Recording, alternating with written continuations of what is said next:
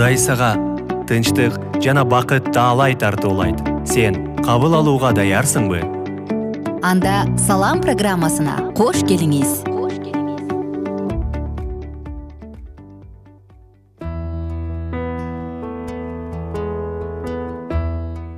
Салют салют салют. Кутман күнүңүздөр менен замандаштар. Биздин подкастты тыңдап жаткан ар бир угарманыбызга салам айтабыз жана сиздер менен салам деп айтылган сонун подкаст уктуруубуз башталды. Ыйык жазуу мындай дейт. Сабагыбызды улантабыз мына ошондуктан бизден алыстабаңыздар.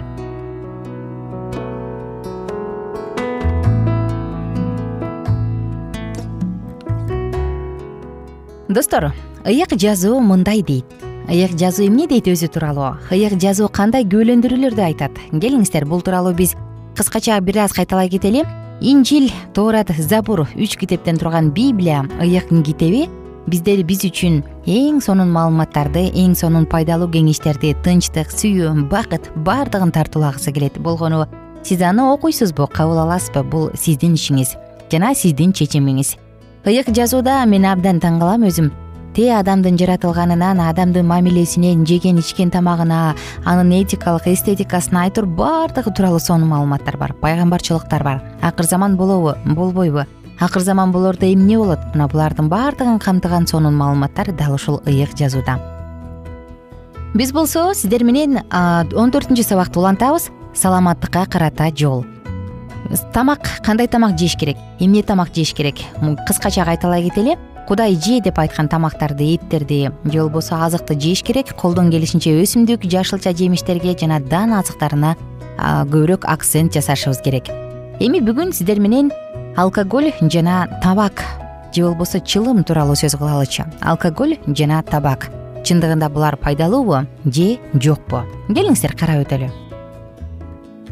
Бир адам айтат дейт ушул тамеки мына тамеки чегүү күнөө деп айтканды көргүз анан мен дароо таштайм. Деп ушундай бир талап коюптур да. Анан анын балдары аябай эсе болуптур кантип кантип муну далилдеп бериштинчи? Бирок ыйык жазуу эмне дейт. Келиңиздер карап көрөлү. Ыйык жазуу алкоголдук ичимдиктерден толук баш тартууну сунуштайт. Насаатчы китеби жыйырма үчүнчү бап биринчи корунтуктарга жазылган кат он бешинчи бапта мына бул тууралуу айтылат. Библиянын тексттери жазылган байыркы иврит жана байыркы грек тилинде шарап вино деген сөз алкоголдук дагы жөнөкөй ширени дагы түшүндүрөт.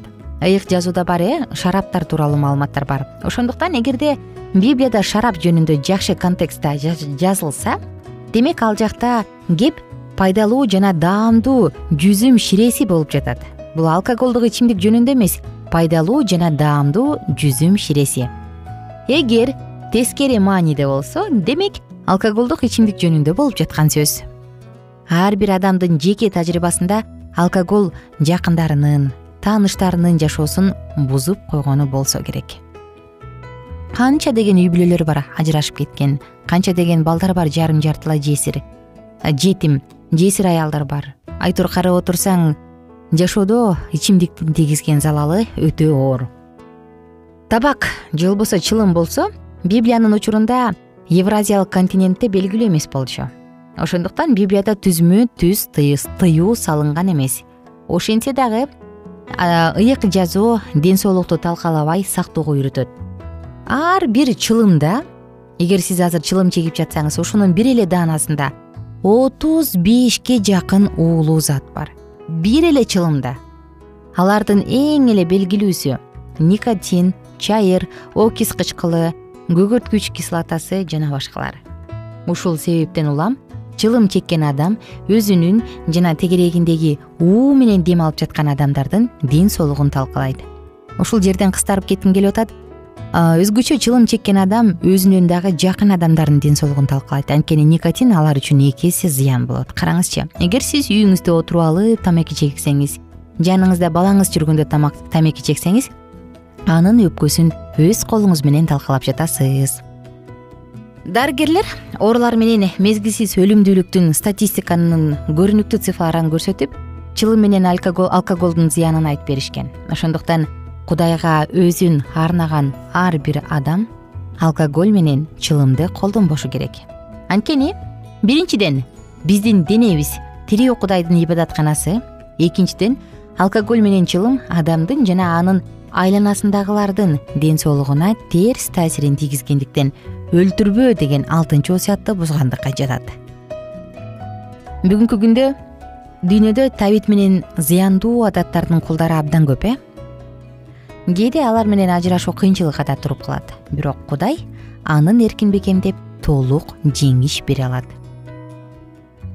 Ден соолук же саламаттыкка карата жол дегенде эле эс алуу эмгек тууралуу дагы айтпай кетпесек болбос анда биз эмгек жана эс алуу деген кичинекей бир бөлүктү карай кетели.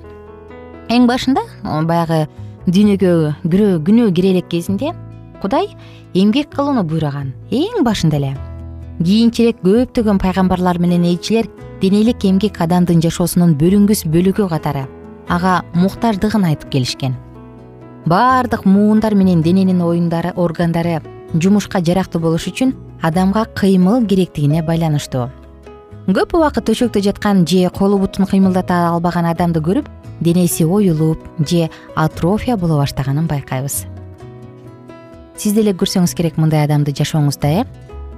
Биздин кылымда көптөгөн адамдардын жашоосу аз кыймылдуу ошондуктан ден соолукту сакташ үчүн аларга денелик көнүгүүлөр абдан абадай зарыл. Бул жерде дагы алтын ортону билиш керек анткени пайдалууну дагы ашырып жиберсе болбойт э? Ошондуктан достор бир күн кечке оор жүктөрдү ташып бир күн бою жалаңач күнгө күйүп же бир жакка сабиз жеп алып пайдалууну күтпөй эле коюш керек. Албетте адамга эс алуу керек ошондуктан теңир өзүнүн осуятына алтынчы күндүк эс алууну кошкон. Библия негизи эмнени сунуштайт бул жаатта? Чыныгы ишенүүчү адам кудайга руху менен дагы денеси менен дагы кызмат кылууга чакырылган ошондуктан экөө үчүн тең кам көрүшү керек экинчиден кудай биздин денебизди анын ыйык рухунун ибадатканасы деп эсептейт. Элестетиңиз э ыйык кудайдын тамеки чегип же ичимдик ичип атканын элестетүү мүмкүн эмес экөө такыр кобошпойт ден соолукка зыян тийгизбеген баардык кыймыл бул кудайга каршы күнөө ошентип ден соолуктун мыйзамдарын сактабай жашообузду кыскартуу менен кудайдын эркине каршы чыгып жатабыз. Кудай биздин саламаттуу болушубузду каалайт. Библияны изилдеп жатып адамдын саламаттыгы үчүн зарыл болгон сегиз принципти көрүп кетели сегиз принцип кайсы принциптер? Келиңиздер карап кетели. Бул күн нуру таптаза аба таза суу кыймыл туура тамактануу баш тартуу кармануу зыяндуудан баш тартып пайдаланууну ченемүү менен колдонуу жана эс алуу кудайга ишеним артуу. Бул эрежелерди сактаган ишенүүчүлөр баардык адамдарга салыштырмалуу орточо эсеп менен он жылга көп жашашат.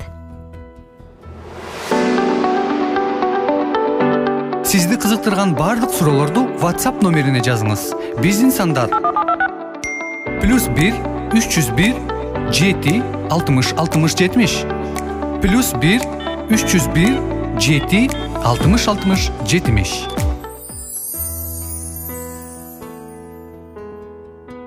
дос сизде анда мен эмне кылышым керек деген суроо жаралды болуш керек э? Эмне кыла аласыз? Кудайдын сөзү боюнча ыйыкталган тамак ашты жегенге аракет кылыңыз. Жашооңду жакшы жакка өзгөртүүгө умтул.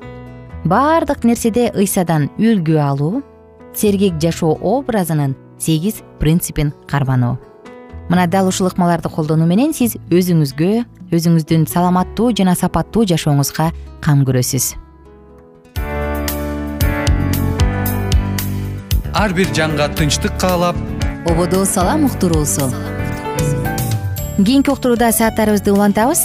Кийинки уктурууда ушул ыйык жазуу мындай дейт деп аталган сабакты андан ары улантабыз. Жана ошондуктан бизден алыстабаңыздар деп гана чакырмакчымын.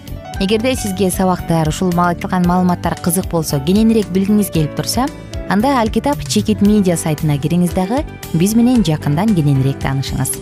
Жалпыңыздарга көңүлдүү күн каалайм. Таза аба таза суу кыймыл.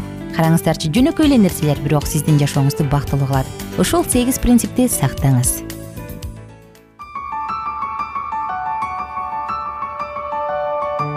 Бир гана кудай чыныгы тынчтык берет.